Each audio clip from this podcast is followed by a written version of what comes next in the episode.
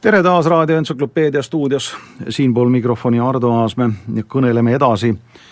Või kõneleme jätkuvalt ähm, Pärsia lahe riikide kohast maailmas ja, ja praeguses ka Ukraina ja Euroopa ja Ameerika vahelises kriisis. ja olgu öeldud, ähm, et jätkates juttu Katari gaasist, siis Katar on ähm, tahtnud pääseda õiglase konkurentsi väljale ja on kavandanud ehitada ühte gaasijuhet, mis peaks siis läbi Saudi Araabia, läbi Jordaania ja Süüria jõudma Türki ja sealt edasi siis juba Euroopa turgudele. See on üliohtlik Venemaale ja Gazpromile tervikuna, tuletame veel kord meelde, et ähm, gaasi ja nafta ekspordist elab üldse Vene riigieelarve ja kui seda ei oleks, siis see variseks kokku. Äh, teatavasti Vene riigieelarve on tehtud arvestusega, et nad ähm, veavad ots otsaga kokku, kui maailmaturu hind naftabarrelile ei lähe alla üheksakümne kolme dollari ja mis siin salata, praegu ilmselt on ettevalmistamisel just nimelt ähm, nafta hinna langetamine, äh, kuid tulles ähm, Katari juurde, siis Katari kava äh, paisata oma odav gaas ähm, Euroopasse uute gaasijuhtmete kaudu on äärmiselt masendav uudis ju Gazpromile. mitmed Vene analüütikud ütlevad lausa, et Gazpromi tegevus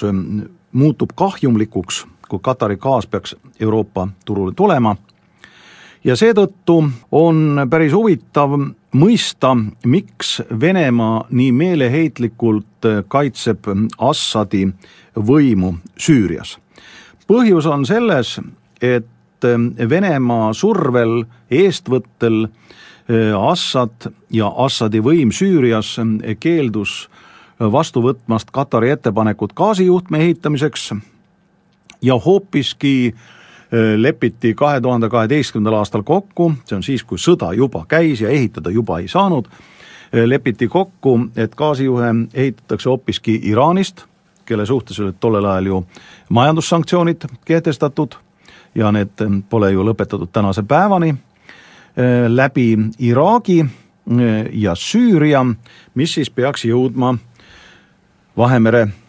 rannikule. nüüd tuleb arvestada sellega, et ähm, Iraanis on gaasitootmise tingimused võrratult halvemad ja ebasoodsamad kui Kataris, see tähendab seda, et nende gaas on kallim, aga teiselt poolt Iraan oli nõus Venemaaga moodustama nii-öelda äh, gaasikartelli, rahvusvahelist gaasi OPEC-it, kui võtta sarnasuseks ähm, maailma suured naftatootjad, et et kunstlikult hoida siis gaasi hinda. Katar aga ei olnud nõus sellega ühinema ja tema tahtis hoopiski konkureerida. Neid asjaolusid teades muutub Venemaa tegevus Süürias palju mõistetavamaks, sest ähm, Venemaa on üksi läinud vastu ju kogu muu maailma huviga Süüria küsimuses. Venemaa ju hoiab ühte osa Musta mere laevastikustki ju Süüria ranniku lähedal, eh, toetab Assadit igati ja tegelikult ehm, ei ole Venemaal emotsionaalselt väga olulist sidet Süüriaga, kui mitte just kõrvale jätta pikaajaline sõjaline ja poliitiline koostöö Nõukogude ajal, vaid tegelikult Venemaa sõdib Süürias, kui nii tinglikult öelda, eh, sõdib Assadi võimu eest selleks, et päästa Gazprom ja koos Gazpromi päästmisega päästa ka Vene riigieelarve. sest on ju täiesti selge, et kui Katari odav gaas tuleb läbi Türgi Euroopasse, millele siis kaasneb ka uued, uued gaasimahud Aserbaidžaanist ja võib-olla ka Türkmenistanist kus muide äh, gaasi tootmise omahind on kordades, jällegi ma rõhutan, odavam kui Venemaal, siis see tähendab ju sisuliselt seda, et see, mille peal Vene riik püsib, see alus vajub ära. ja see on peamine põhjus, miks Venemaa nii meeleheitlikult ähm, sõdib Süürias ja miks ta nii meeleheitlikult tahab praegu kontrolli alla saada mitte Krimmi, mis ei olnud ähm, tegelikult peamine eesmärk, vaid oli pigem peibutuspart, kui nii võiks öelda, vaid miks ta nii meeleheitlikult ähm, tahab saada kätte Ukraina äh, gaasivõrke selleks, et ikkagi püüda oma infrastruktuuri olemasoleva seisuga äh, sundida Euroopale peale kõrgemaid gaasihindu ja mitte lasta sinna uusi konkurente. Ja seepärast võib öelda, et, et Katar on ka sekkunud Süüria